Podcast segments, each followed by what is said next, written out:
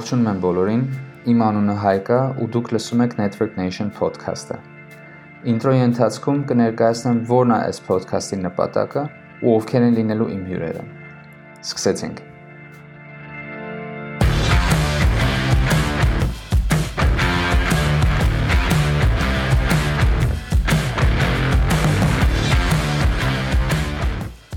Վերջին պատերազմը ծանր էր, իսկ արդյունքները խիստ բացասական մեզ համար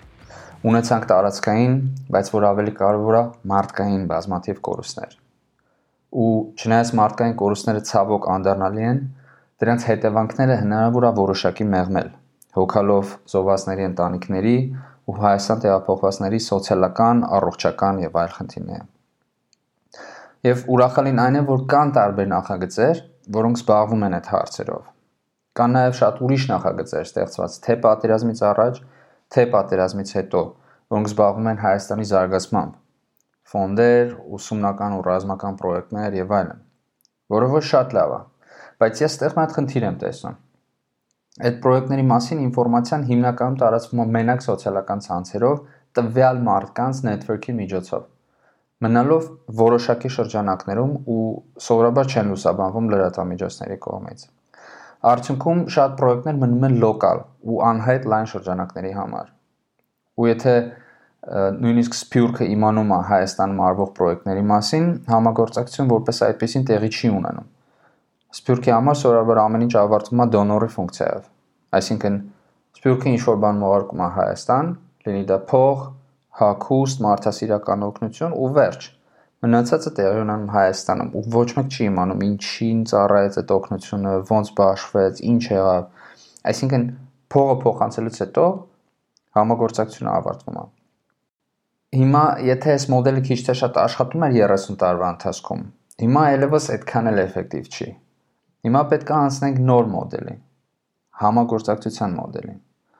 Ու այստեղ արդեն գործում է իրար հետ աշխատելու, պրոյեկտներ անելու, փորձի փոխանակման ու ռեալ համագործակցելու մոդելը։ Անկախ նրանից դու հայաստանցի ես, պարսկահայ ես, Ռուսաստանի, Ֆրանսիայի թե Ամերիկահայ ես,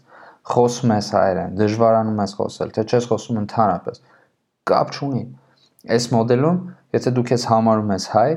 ուրեմն պետք է սովորենք համագործակցել իրար հետ։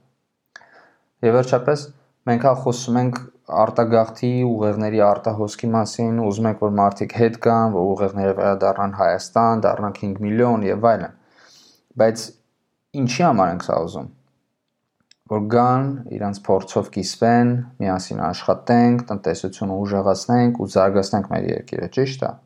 Դե հիմա փաստացի եկել է այդ պահը։ COVID-ի պայմաններում բոլորը սովորեցինք հերակա աշխատել ու ուսում ստանալ։ Դե իսկ դա հենց այն էր, ինչ մեզ պետք էր։ Հիմա Հայաստանը ու Սփյուռքը մոտեցել են իրար առավել քան երբևէ։ Իսկ տեխնոլոգիաների զարգացման հետ մեկտեղ դառնալու ենք ել ավելի իրար հետ փոխկապակցված։ Այսինքն այդ հերավորության խնդիրը փաստացի վերացել է ու սաղ աշխարհի հայերը փաստացի հայտնվել են իրար կողքի կանգնած։ Հիմա ասում ենք մի բան անենք, մի բան ըլնի։ Դե Ժորժ ջան, ուրեմն սկսենք աշխատել իրար հետ, հասկանանք ով ինչով է զբաղվում ու ում կարելի է միանալ ու նպաստել մեր բոլորի զարգացմանը։ Դրա համար, հարգելիներս, ես սկսում եմ ոդքասթ։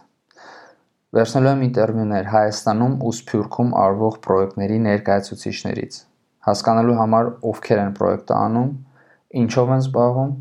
ու ոնց կարող են ցանկացողները իրանց հետ համագործակցել։ Իմ անունը Հայկ Վարդանյանն է։